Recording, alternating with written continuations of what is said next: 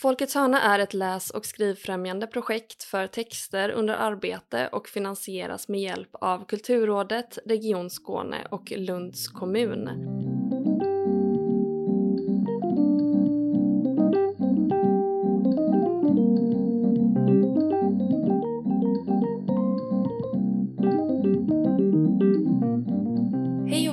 Folkets hörna, en podd om den skrivande praktiken. Mitt namn är Emilia Palmén, med mig har jag som vanligt Agnes Stenqvist och idag pratar vi med Rasha Bahari. Hej!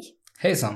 Du är författare och har skrivit romanerna Stiga sol, smälta is och Kontinentalbanan som kom ut 2022. I den följer vi Nikolas som söker svar på frågor om sitt eget ursprung och som ställs inför minnets opolitlighet. Kan inte du bara börja med att berätta lite om den och om hur du började att skriva den boken? Ja. Um, det är alltid svårt det där att försöka um, återskapa exakt liksom en startpunkt. Men jag vet att jag har fått frågan många gånger och det blir lite som att man nästan skapar en, en historia om när och hur en, en mm. roman kommer till och om vi ska kalla det skapelseberättelsen då för kontinentalbanan um, utgick från um, att jag befann mig i, i kvarteren i en stadsdel som heter Kirsberg här i Malmö tillsammans med mina barn um, och liksom plötsligt eh, såg platser där jag som barn hade tillbringat mycket tid och gjort saker och mm, liksom det var som att minnen kom tillbaka till mig. Samtidigt som jag också börjar tvivla på sanningshalten i de här minnena och liksom reflektera över just saker och ting som har hänt långt tillbaka och liksom hur mycket man har på något sätt eh, liksom förvanskat minnena vad som, ja, vad som är sant och vad som är falskt. Och Ungefär i samma veva så hade vi besök av en vän till familjen som, som hade lite liknande historia som, som bokens Pierre. Mm. Som, eh, som bodde, som kom till Sverige, bodde här eh, liksom 10-15 år och sen flyttade tillbaka. Då pratar jag om, om, om, om Pierre, då, den fiktiva gestalten i, i boken, flyttade tillbaka till eh, till sitt hemland, alltså vår vän till familjen gjorde, så, gjorde det. Um, och vårt samtal handlar också kring ja, min upplevelse av barndom och vad jag mindes av, av honom och så vidare. Så han, vårt samtal satte också igång en massa liksom, minnen. Mm. Uh, och, och, det var liksom lite, lite samma, ska man säga, um, ja, men det, det, det, det touchade lite samma liksom, tankar som de jag hade fått där när jag gick tillsammans med mina barn och genom mina barndomskvarter. Mm. Så att det var någon form av liksom, startpunkt för, för skrivandet. Um, och sen frågade du också lite om, om jag kunde liksom återberätta. Uh, ja, hur skulle du beskriva boken kanske ja. är en bra fråga. Ja, men precis. Ja, men den, den, uh, den handlar ju framförallt om, om, om Nicolas och, och Pierre eh, och deras relation. Men det är också en, en, en, en berättelse, en beskrivning av liksom eh, ett antal barndoms, tre barndomsvänner och deras uppväxt. Eh, och hur Nicolas då försöker liksom återskapa eh, deras historia. Men eh, i korta drag så, så utspelar ju sig, ska vi säga, romanens liksom nu är ju ett antal dagar i Beirut när Nicolas har åkt dit för att, kan man säga det, konfrontera Pierre mm. och, och liksom försöka få reda på hans version av, av Nicolas och, och då hans mamma Nadja, eh, deras liksom gemensamma eh, historia eftersom Nicolas har upplevt att han inte har fått hela sanningen av sin mamma. Så att mm. han åker till Beirut för att leta reda på Pierre som han inte har träffat under väldigt många år för att se ifall Pierre kan liksom öppna upp liksom, nycklarna till hans förflutna kan man säga. Mm.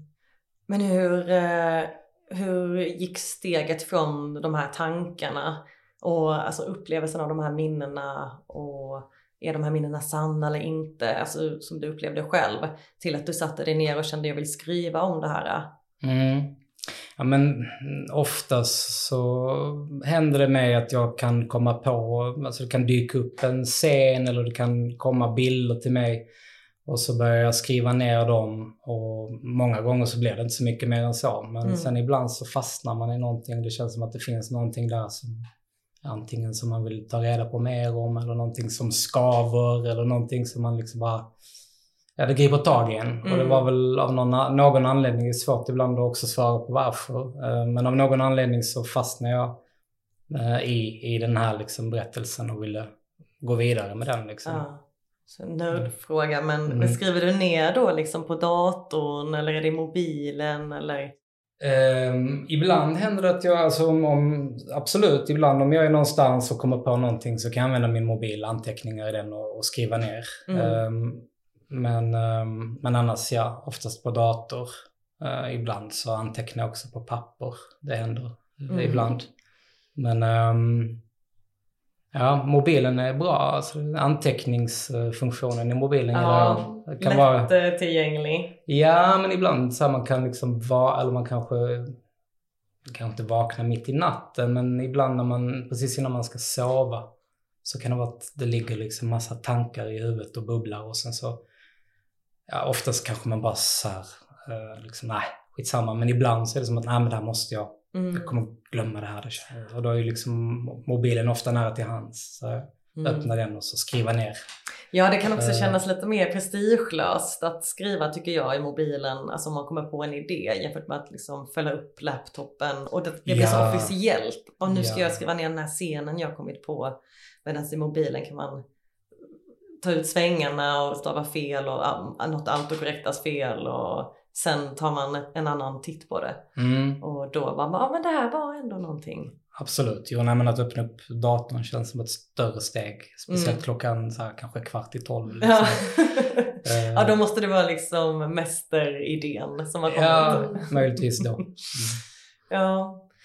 Men som du sa så handlar ju den här boken mycket om kanske att hitta sanningen. Eh, och den laborerar ju väldigt mycket med vad är sant och vad är falskt. Eh, hur hittar man den balansen i skrivandet? Att skriva någonting som är suggestivt på det sättet. Att vi har en viss, ett visst sanningsanspråk men att också balansera på, på nästan det mystiska och att inte avslöja för mycket vad som faktiskt hänt och vad som är falskt och vad som är sant. Ja, det där är jättesvårt. Um, jag tror nästan ibland att man, alltså det är ju som allt skrivande, att till slut blir man ju, man blir ju blind för det man själv har skrivit. Mm. Um, och när det kommer till sådana liksom saker så tror jag att, ja, så man får liksom, man, där måste man kanske nästan ha externa läsare, tänker jag också, liksom, som ger input. Liksom, att man får hela tiden vrida på, på, på liksom, uh, vrida på det, liksom vrida ner det, vrida upp det och så kanske man behöver någon annan som liksom läser. Um, och säger ja. här är det för tydligt, ja. här är det för otydligt. Ja, ja. precis. Ja, för jag funderar på det lite också, just i relation till det här, vad du har för, liksom, vad du har för relation till dina läsare. Just det här, ska man hålla i handen och visa dem fram eller ska man tänka att ja, men, ni får figure it out där, ni får, ni får lösa det själva. Mm. Alltså, i skrivprocessen tycker jag inte riktigt att det går att fundera allt för mycket över det där. Liksom. Alltså, det går inte att, jag tycker inte att jag kan sitta och tänka um, för mycket liksom, på hur det här kommer att mottas i den fasen. Utan det kommer väl snarare i så fall långt senare. Alltså när, när det blir till ett, menar, ett färdigt manus som, som läses av någon annan. Då kanske jag känner att det är dags liksom att mer börja fundera de banorna. Men i en första liksom kreativ fas så, så kan jag liksom inte ha det med mig. Utan uh, det kommer senare, känner jag. Um. Hur ser eh, skrivprocessen mm. ut för dig i, i stort? Har mm. du något... Uh, något magiskt recept? Har du något magiskt recept eller ser de olika ut för varje, varje bok eller novell du skriver? Eller hur funkar den till exempel då för kontinentalbanan? Mm. Alltså det, det, jag tycker det är svårt att, att, att minnas och gå tillbaka. Alltså det är liksom... Det har gått väldigt lång tid sen, sen jag var liksom i, i precis någon form av uppstartsfas, om, om vi pratar om, om kontinentalbanan. Och ännu längre tillbaka till min första bok. Liksom. Så att jag minns knappt eh, liksom hur, hur liksom skrivprocessen såg ut precis i början. Men jag känner ofta att, att när jag kommit på en, en, en, idé, någonting som jag har fastnat för, så finns det mycket, liksom, nej men det, det, är mycket glädje, det går väldigt lätt, man skriver fort, eh, det finns mycket idéer som är liksom... Så, att, så att till en början så, så, så liksom kan jag sitta ofta, jag, menar, jag kan skriva både liksom, det kan vara liksom att, att uh, sitta uppe sent och skriva, skriva på morgonen, skriva på kväll. Men sen ju längre in i skrivprocessen eh, jag kommer, desto mer liksom disciplin känner jag att, att jag behöver liksom mer avsätta tid. Um, och liksom, ja. Hur ser ditt, har du, har du jobb? Mm. Eh, hur ser det ut liksom, hur hanterar du skrivtid med jobbtid? Mm. Ja, men jag, jag har eh, ett deltidsjobb. Eh, så att jag jobbar liksom på förmiddagarna på ett kontor. Och sen så har jag ofta min skrivtid på eftermiddagarna. Mm. Um, och sen så, ja lite beroende på hur livet ser ut så kan jag skriva ibland på kvällar och ibland på helger också. Men oftast är det så att säga eftermiddagarna som är min mm. skrivtid. Mm. Uh, och gör du det, är du liksom en disciplinerad skrivare? Alltså gör du det varje dag eller är du lite I wish. mer free? Nej, alltså det är väl klart att, uh, att jag det finns liksom hela tiden någon form av lite så gnagande dåligt samvete. Att, mm. Ja, men idag hann jag inte skriva så mycket som jag ville. Men samtidigt så får man väl också... Alltså det, det funkar inte alltid. Liksom. Det finns inte alltid tid till att skriva. Utan det finns massa andra saker som ibland liksom kommer före. Mm. Men uh, jag har väl det liksom som någon form av mål som jag aldrig uh, upprätthåller liksom. Att uh, försöka skriva lite varje dag i alla fall. Och speciellt om man är mitt uppe i någonting så känner jag att alltså går det för lång tid, är man mitt inne i någonting och sen så släpper man det så, så liksom man tappar bort sig. Det blir en startsträcka att komma tillbaka in i, i berättelsen, i, i det man höll på med. Liksom. Det kan mm. ta... I språket och allting. Ja. Mm. Ja men absolut. Liksom. Så då, då behöver man lägga tid på att, på att komma tillbaka in i det. Liksom. Mm. Så därför så är väl liksom eh, är det bra om man kan ha den kontinuiteten att man skriver i alla fall lite varje dag eller i alla fall liksom är inne i sitt dokument, i sitt manus. Men, men jag kan inte säga att, att, att jag gör det. Liksom. Det, det, det, det, är mer en, Man ska vara ärlig. Ja, det, det är liksom mer något slags eh, en, en målbild. Mm. Mm. Shoot for the stars. Nej, shoot for, the, for the stars and you might reach the moon. Men jag tänkte på det du sa eh, då om din skrivprocess, att i början går det så snabbt och det är glädjefyllt och är det hur kommer det sig? Är det för att det, nu gissar jag, men för att du kanske skriver friare i början och sedan behöver berättelsen få en tydligare form? Eller finns det Ja, men det kanske är liksom någonting kring en, jag vet inte, en, en medvetenhet. Att, Oj, nu blir det här någonting, nu blir det här en bok typ. ja, jag vet inte liksom att varför det... Det finns nog någon frihet i det där liksom i, i, i början där man inte alls, man har ingen aning riktigt om mm. vart saker och ting är på väg och alla, alla liksom, alla dörrar är öppna, alla möjligheter liksom finns. Och, ja, och sen så liksom ju mer man ju mer man smalnar av det liksom, desto mer kanske på ett sätt liksom begränsar man också uh, sig. Mm. Um, men jag vet inte um, varför, varför det är så. Men, men jag, jag, vet någon gång så, ja men jag har sett det liksom innan att det bruk, jag tror det är liksom så en klassisk grej också, man har hört det att ja men det, det är först liksom de här första 50 sidorna tror man brukar höra ibland liksom som ett sånt klassiskt.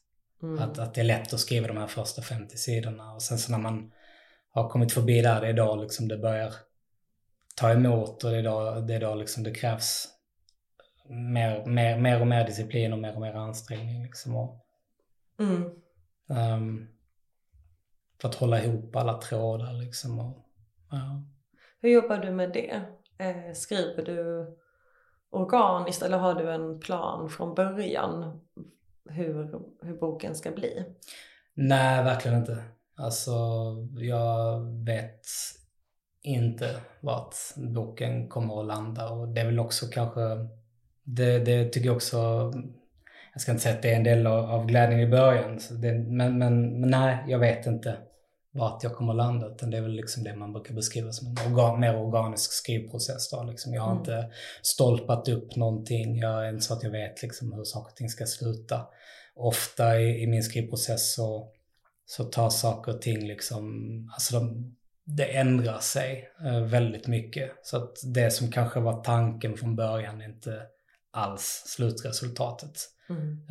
Um, och det, det tycker jag är en del av tjusningen också. Mm. Um, Just att man inte vet uh, vart, vart det ska ta vägen.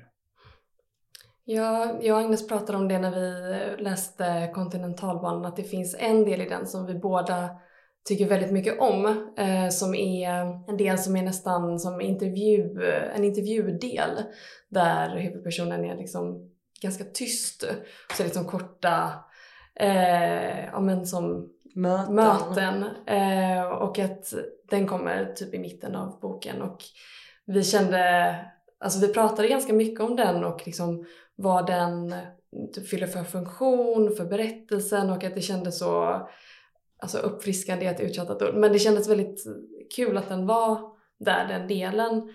Eh, kan inte du berätta lite om, om hur den kom till? Jo, men alltså jag tror att jag ganska tidigt i skrivprocessen hade någon idé om att, att det skulle finnas ett antal olika röster som liksom utifrån, eh, från början var det nog liksom med någon idé om att de skulle representera olika delar av, av liksom samhället på något sätt. Liksom att det fanns någonting nästan lite politiskt i det. Eh, I viss mån kanske de fortfarande, kanske finns kvar liksom någon form av liksom eh, någonting litet av det kanske finns kvar, men, men det blev inte mer så, utan det blev ju liksom mer jag vet, minns inte om det är fem eller sex olika röster och någonstans så är det ju liksom det här då mittenpartiets växeltungor, heter det, är ju tänkt att, att liksom kasta ljus på både Pierre och, och Nikolas berättelser och ytterligare liksom slänga in en, en så här osäkerhetsfackla mm. i, i liksom, för att ytterligare kanske osäkra hela historien. Uh, man blir nog bara ännu mer förvirrad tänker jag när man läser liksom, vad ska jag lita på? Mm.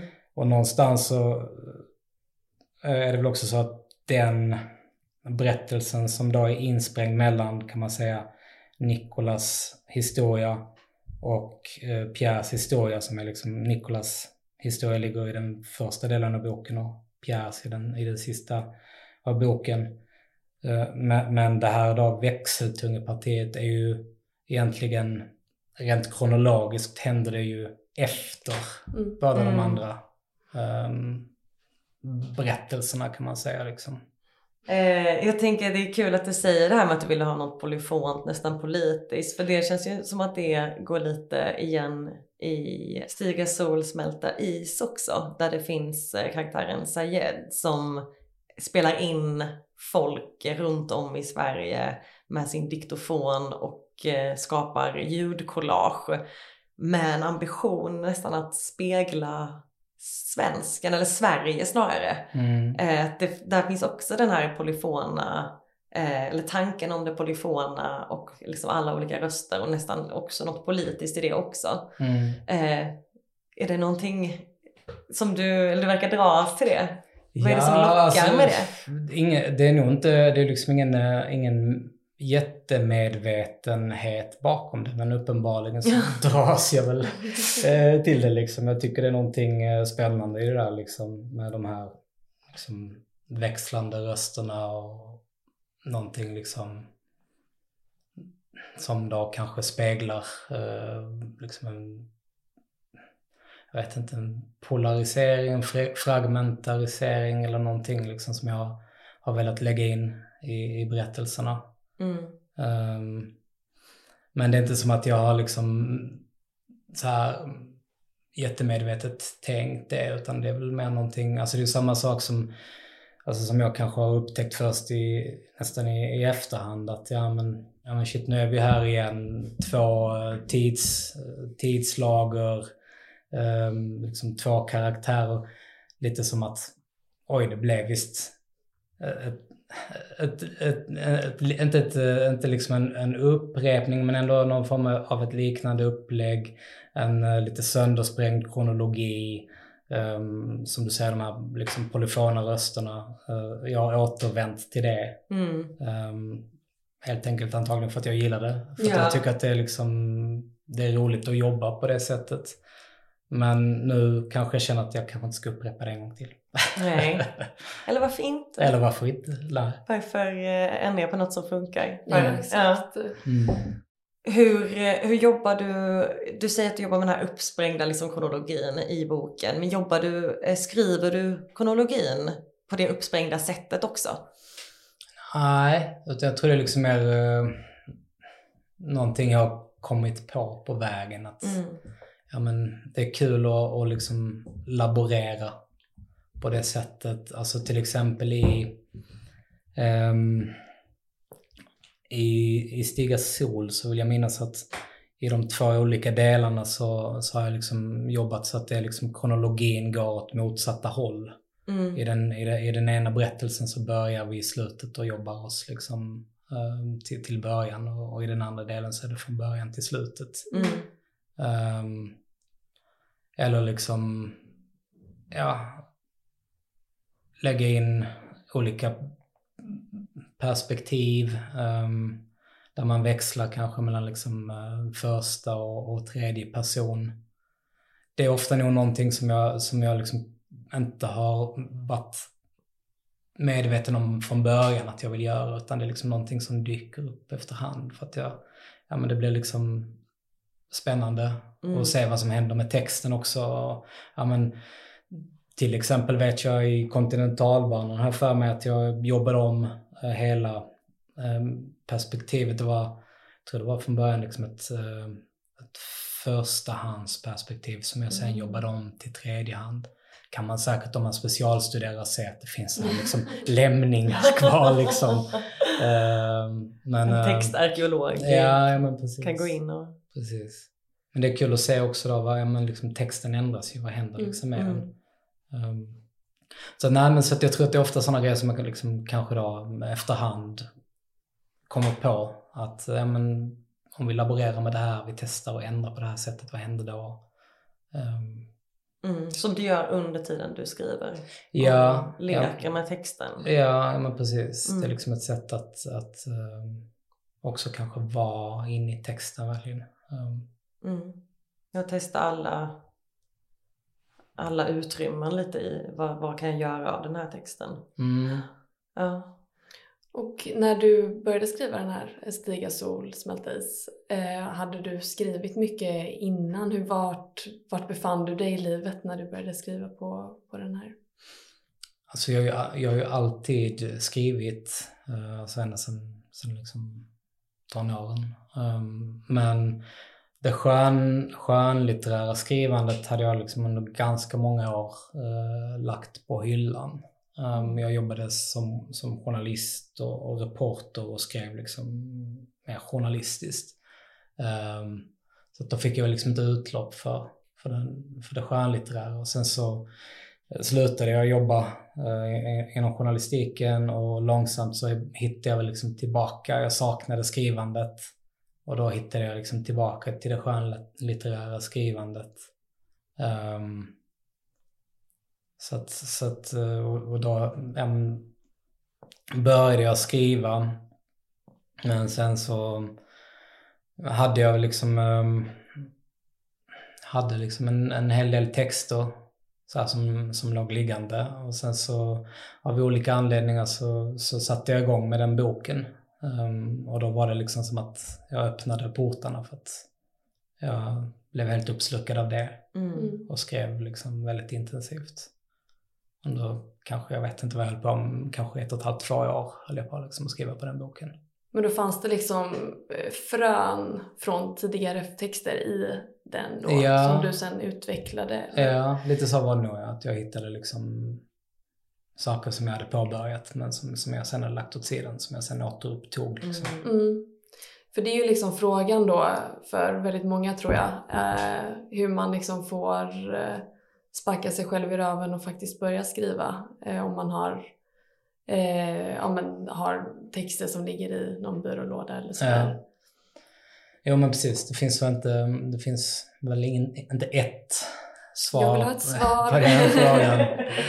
Uh, jag, jag, kom, jag kommer ihåg, alltså, jag kommer ihåg att en sak som jag gjorde, um, när jag inte hade då, jag hade inte skrivit på länge och sen så kom jag igång och så var det sån, jag menar, det var sån glädje i skrivandet liksom. Så att då började jag så här, men berätta alldeles för mycket.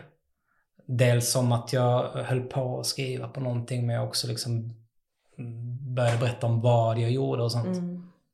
Och det var, det var, för mig var inte det alls bra. Nej. Jag känner igen mig i det. Eh, Det var liksom på något sätt som att jag, jag bjöd in alldeles för tidigt in i, i, i mitt, i mitt egna liksom, inom situationstecken hemliga rum liksom. Så att jag plötsligt hade med mig massa ögon liksom bakom nacken som satt där. Så då liksom tog det stopp. Ehm, Var det i Stiga? Så Nej, detta var det liksom innan. Det var Ja. innan. Eh, Så att jag kommer ihåg när jag började skriva på den och den här liksom då eh, skrivarglädjen som, som liksom kom. Man bara wow, shit liksom vad är det här? Jag, vart är jag på väg nu liksom? Eh, Så ville jag också så här skrika Mm. till hela världen. Men du hade lärt dig din läxa? Men då så, så bara, nej just det, det funkar inte. Det ska kanske vara tyst. Så jag berättade inte för någon. Ingen alls? Ja, det var ju liksom min fru kunde jag inte dölja. Så här, det blev liksom uppenbart att jag höll på med någonting. Ja. Liksom, så att jag var väl tvungen att berätta för henne. Men hon var nog den enda som visste. Mm. Så att det, det gick liksom så långt så att jag tog tjänstledigt från, från mitt jobb. Mm. Eh, För att jag kände att ja, men jag behöver mer tid. Mm. Jag jobbade heltid. Mm. Och jag kände att ja, men, ja, det här, är liksom, jag hinner inte. Mm. Så jag tog tjänstledigt från mitt jobb. Utan att berätta varför. Jag minns inte vad jag hade.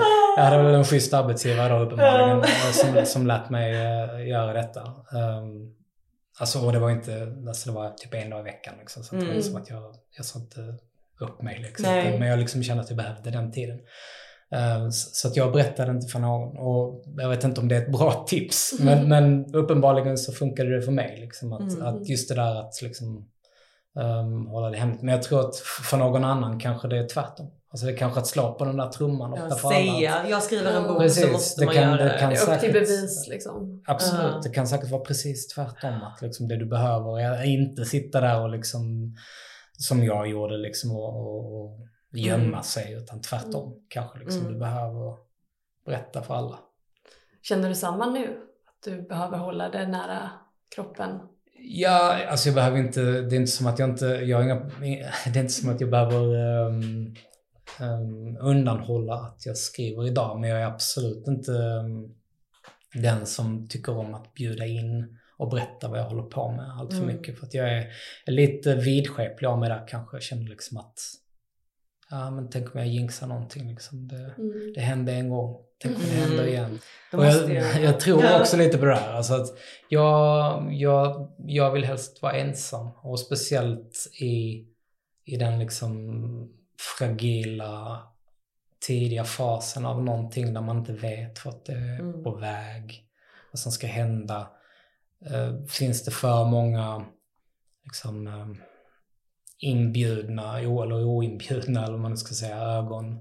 Så i alla fall för mig blir det lätt att jag börjar liksom tänka för mycket på Mm. men vad, vad, vad, tänker, vad tänker de, vad tycker de? Istället för att liksom skita i det. Mm. Och bara, det är jag som bestämmer. Men hur gör man för att skita i det? ja, att, Man bjuder inte man bjuder in någon. Ja men jag tänker att man ändå, eller för egen del så tycker jag att den saken är jättesvår tycker jag. Ehm, för att jag tänker liksom på en implicit läsare ganska ofta, att den liksom sitter med mig och jag försöker liksom tänka att men, och det är under så kort tid som jag känner mig fri med en text. Och sen så börjar jag tänka så ah, men nej det här är inte bra nog eller vad ska den tänka och vad ska den tycka? Och liksom hur, hur, hur håller man dem där borta tillräckligt länge så man Mm. hinner få ihop någonting liksom? Mm. Eller tycker du, om inte du bjuder in aktivt så slipper du den läsaren? Nej, alltså det är väl omöjligt att liksom helt, eh, vad ska man säga, utesluta världen. Alltså det är klart att den finns med. Men jag tänker att har du med dig allt för många eh, som, som liksom är inbjudna i det här slutna rummet så är det liksom, det blir ännu svårare då. Men sen, men sen är det också, det, det är också liksom någon form, någonstans måste du ju bestämma dig för att släppa in omvärlden. Och det är också liksom en balansakt. Mm. Ehm, Ja, för jag känner tvärtom, eller att jag har gjort så med den texten jag håller på att skriva just nu. Att jag har haft den och behövt ha den väldigt privat för mig själv och inte bjudit in någon. Och nu börjar jag känna, fundera på att skicka den till Emilia. Och det känns som det läskigaste någonsin. För nu har det varit min egen skyddade lilla värld. Mm. Eh, och nu ska den, mitt lilla barn, möta stora stygga Emilia. Och, Jag kommer med saxen. Ja men exakt, att det, hemma. att det blir nästan att jag har hållit på den för länge känns det som. Att nu Mm. har jag, har jag skräck inför att den ska läsas och i så fall tanken på att ja men tänk om den är skit.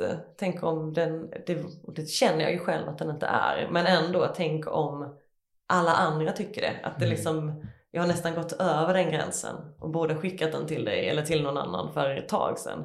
Så det är en svår jäkla balansgång Mm. vad man ska, när man ska bjuda in. Men jag måste också fråga om du känner så kring texten och att inte vill ha, vill ha några ögon. Hur var det då för dig att vara med på Folkets hörnas scen? Jo, men det var väl lite så här att jag... mm, Alltså normalt sett så hade jag inte gjort en sån grej, men ibland så måste man ju utmana sig själv och liksom ja, men göra saker som man kanske egentligen inte tycker. Mm. För att se vad som händer. För att jag har tänkt lite också på det här, men jag kanske bara är dum i huvudet. Jag Mm. kanske bara, jag kanske bara är liksom, eh, ja men lite, lite vidskeplig och, och liksom rädd. Mm. Så att det, det kanske, för att jag menar, det finns ju de som, som redan på typ ett idéstadie slänger sig vad de håller på med liksom. Mm. Och som du var inne på lite där också, jag menar man kanske, jag tror att man ibland bara måste liksom släppa, släppa på det och, och ta in liksom, ehm, ta in de där externa ögonen Ja. i kanske ett tidigt stadium för att tänk då om det upptäcks någonting som liksom, ja men det hade, det här hade varit skönt men det vet jag för ett år sedan. Mm. Tänk om någon har sagt det här till mig för ett år sedan. Så det är hela tiden en balansgång. Um, liksom Ja. hur länge ska man hålla, hålla sig där inne i, i liksom det här slutna, trygga, Trygga. rummet där man liksom har friheten att, att liksom göra precis som man vill och, och liksom berättelsen kan ta massa olika liksom vägar. Mm. Versus att man liksom inte, för, för att du kan ju, det, det vet jag ju om att du får ju liksom mycket bra input när du släpper in Mm. någon också liksom. Så att, eh, ja, det är svårt att, att eh, veta när. Mm. Eh, Verkligen. Och det är säkert inte så att det alltid är liksom samma svar på den frågan. Liksom varje, Nej. Ja. en berättelse kanske liksom behöver, Mm. eh, var, man behöver liksom attackera den på det ena sättet och den andra på det andra sättet. Ja. ja, det är väl det som är det jobbiga också. Man vill så gärna ha ett, eh, Recept. ett recept på vissa grejer. Mm. Eh. Ah, ja, Ja, du får släppa ifrån dig den ja. som sagt det här. Skicka den till Emilia. Ja. imorgon. Ska jag göra det? imorgon. Men eh, tycker du att din eh, skrivprocess och sättet du skriver på har förändrats eh, efter de här, liksom två, eh, den, de här två böckerna? Svårt att svara på. Alltså, det jag känner att, alltså det som känns, det som känns skönast tycker jag är vetskapen om liksom eh, hur motigt och hopplöst eh, det ofta kan kännas. Och att det liksom inte försvinner utan det kommer förmodligen alltid finnas liksom det här motståndet. Mm. Och att, att, du har lyck- att jag har lyckats att, att någonstans liksom då, eh, ta mig förbi det eh, ju någon form av liksom, vad ska man säga, ja, men självkännedom eller jag, har, jag vet om liksom i, i min skrivprocess det här kommer liksom att, att det kommer förmodligen alltid att vara så men det går att komma över det på andra sidan. Liksom. Mm. Uh, så det är väl liksom någon form av um, lärdom Mm. skulle man kunna säga. Du, och du läste ju upp en sak på Folkets Handa då, där du var med. Eh, och det är ett projekt som du håller på med nu då. Ja. Som är en roman. Ja. Ja. Hur, är, eh, hur är det där nu när du ändå har varit liksom på ett förlag eller är på ett förlag? Har du liksom kontakt med redaktör, förläggare? Alltså just med så här, hur släpper man in i skrivprocessen? Vet de vad du håller på med? Eller hur är, hur är den relationen? Um, alltså, jag har inte jättemycket kontakt så med, med, med min förläggare men han vet om att jag håller på med någonting men eh, jag har liksom inte släppt ifrån mig någonting utan jag har sagt att jag hör av mig när det är dags. Mm. Um, så att inte mer än så. Mm. Um, Mm. Men det är väl också skönt att veta, alltså att, att ha den, eh, det är ingen, ingen press på att jag ska släppa in för tidigt eller liksom sådär. nej, nej Mm. men precis. Mm. Uh, Mm. pressen är väl lite också från, från, en, från en själv, tänker jag. Liksom, att man känner att man, ja, men man vill inte att det ska ta allt för lång tid. Nej. Samtidigt som det får ta den tiden det tar. Eh, det ju inte att stressa. Mm. Ja, man brukar ju prata om den svåra andra boken. Men är den tredje lika svår? Ja, ja. jag tror att eh, alla böcker är svåra. Mm. Jag måste också fråga, jag glömde eh, fråga dig innan när vi pratade om eh, din debut och att du höll den så hemligt. Men hur reagerade folk din, alltså runt omkring dig när du väl kom ut världen som inte hade någon aning om att du ens skrev? Um, jo men de blev väl väldigt överraskade. Ehm, Mm. men, men det var ju liksom en positiv eh, överraskning. Det var liksom Mm. inget som, ingen som blev arg. Utan det var ju mer Nej, det varit jobbigt. det var ju liksom jag, rasande. what? men Ja. när, när har du gjort detta då liksom? Mm. Um, det var väl mer så. När du får Ehm, tid till det. Ja. Ja. Eh, jag funderar på om vi skulle prata lite. Det är, nu är det ju fem år sedan du skrev eh, din debut. Eller som den kom ut i alla fall. Ja, Ehm. sex år sedan till och med sen. Ja, det, ja sex år sedan till och med. 2017. Ja. Mm. Ehm, men vi har ju precis läst den också. Eh, och jag tänkte just med formen och med just det här sanningsanspråket. Det finns ju också i den på vissa sätt.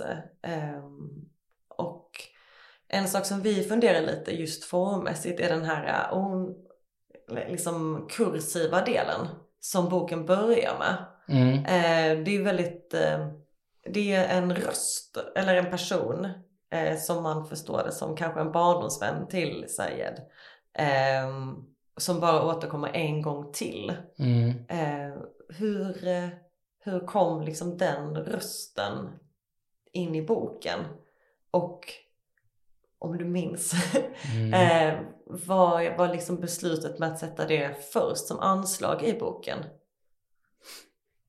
Ja, ja men som sagt så det är liksom exakt hur, hur tankarna Mm. gick där. Det, det är länge sedan så att ehm, det vet jag inte om jag skulle våga ge mig in på att, för att svara. Men, ehm, men det, är, det är som du säger, det är liksom en, en ytterligare en, en röst i boken som, som finns precis liksom som en inramning kan man säga, liksom precis i början och precis i slutet. Mm. Och det är liksom en, en barndomsvän. Um, Sayed har gjort den här, han har liksom spelat in samtidens röst med sin diktafon. Och sen så har han bränt den på en CD-skiva och skickat den till den här då liksom barndomsvännen. Som han upplever väl är lite liksom på, på glid. Och de, de, de möts någonstans också har jag för mig. Mm.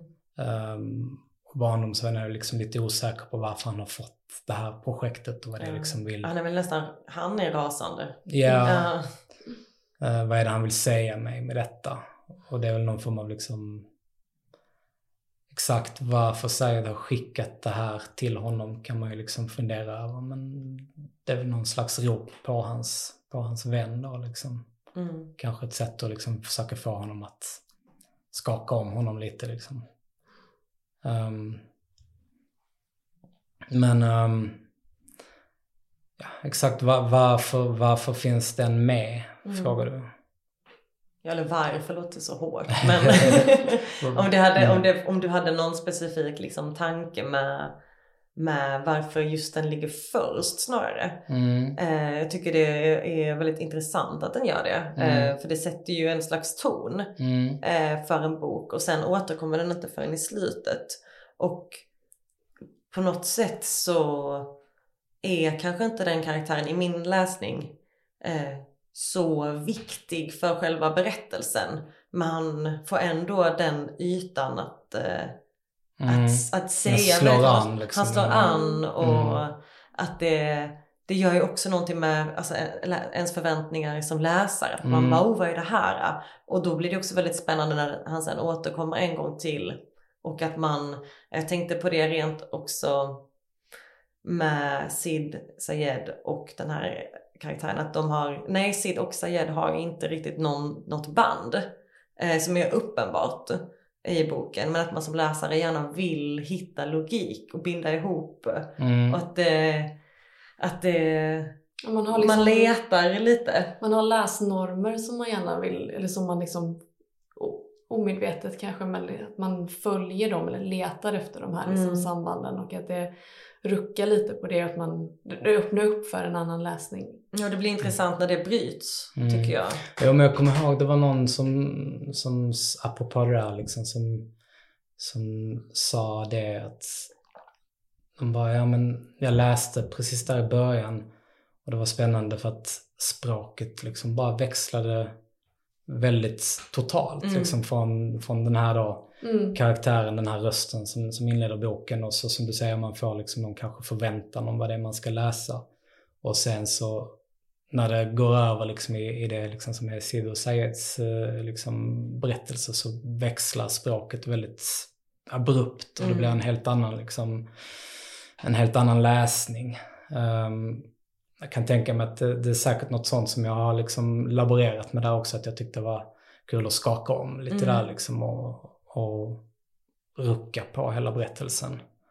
Ehm, och också få in det här liksom ett, ett, ett perspektiv utifrån på Mm. de här två personerna. Som du säger, man funderar på hur de sitter ihop. Och det finns ju någonting i, alltså ganska mycket av romanen kretsar väl egentligen kring det. Vad är liksom relationen mellan de här två? Man kan läsa det på olika sätt och det är väl det jag har försökt också liksom med den historien liksom att peka. Och det, där är vi inne på det igen, liksom hur, hur tydlig ska man vara? Mm. Ehm, men eh, jag har ju liksom en, jag har en avsikt, det finns ju en klar tanke med liksom hur de här två karaktärerna sitter ihop och liksom jag har försökt att slänga ut um, ledtrådar i liksom berättelsen så att man ska läsa det på, på det sättet. Mm. Men sen går det ju att tolka och, och läsa det på olika sätt. Men eh, Ja. Ja, hur förhåller du dig till det? För att just man läser recensioner och texter kring den här boken så är det ju många spekulationer i det kanske är så här eller kanske är så här. mm, Känner du dig liksom som en puppet master när du sitter och läser dem och bara ja, du har tänkt på det där sättet eller hur förhåller du dig till de här liksom de här spekulationerna som din bok har liksom skapat? jo, men det är väl roligt. Mm. Alltså det tycker jag om. Att det finns eh, en öppenhet eller att det finns liksom möjlighet till flera olika tolkningar. Så att eh, jag kommer ihåg att eh, ja men det var liksom spännande att, att eh, det var ju första gången liksom som jag på något sätt fick läsningar också så att det var väldigt eh, kul. Mm. Mm. Och hur var det liksom i stort att debutera? Hur var det för dig? Um, ja, men det var omvälvande såklart. Um, det är väldigt roligt eh, och läskigt på samma gång. Alltså, man hade ju, jag hade såklart liksom eh, förväntningar och, och liksom skräckscenarier Mm. Så att eh, när, när väl boken liksom kom ut och det kom recensioner och läsningar och jag blev inbjuden till olika sammanhang så det var ja, men verkligen, det var jätteroligt. Um, men, men också såklart liksom man, man är ju utlämnad. Um, men, men samtidigt liksom, uh, ska man säga, uh, privilegierad. Mm. Så, så att, uh, Utlämnad på ett bra sätt. Ja, det får man väl säga. Mm. Det är klart att det är inte kul att, att, att liksom ge ut en bok och bli, bli liksom toksågad. Nej. Men det är ju å andra sidan kanske, jag vet inte vad som är värst, att bli ignorerad eller vad man ska kalla det, liksom helt, att bara helt gå under radarn. Det har jag funderat på, jag vet inte svaret. Liksom. Vad, vad är värst? Liksom, att inte någon säger ett pip. Ja. Eller Ja. att, att folk är liksom upprörda. Mm. Ja, man, man får ju lite alltså, rysningar längs ryggraden av den tanken att eh, suttit med någonting så pass länge, bli antagen och sen händer ingenting. Nej. Ja, ja jobbig, jobbiga tankar. Så kanske toksågning. Eller toksågad. ja, jag lägger min röst på toksågningar. Ja. Kan man kanske skapa någon slags eh, kulturdebatt eller någonting? Vi, ja. Och låga förväntningar inför bok två. Perfekt! Mm. Ja. Kan bara gå uppåt. Exakt, only ways up. Tack så jättemycket för att du har pratat med oss idag. Det har varit jättetrevligt. Tack själv. Det var jättekul att få komma hit. Och tack till alla som har lyssnat och tack till Klara som klipper vår podd. Hej då!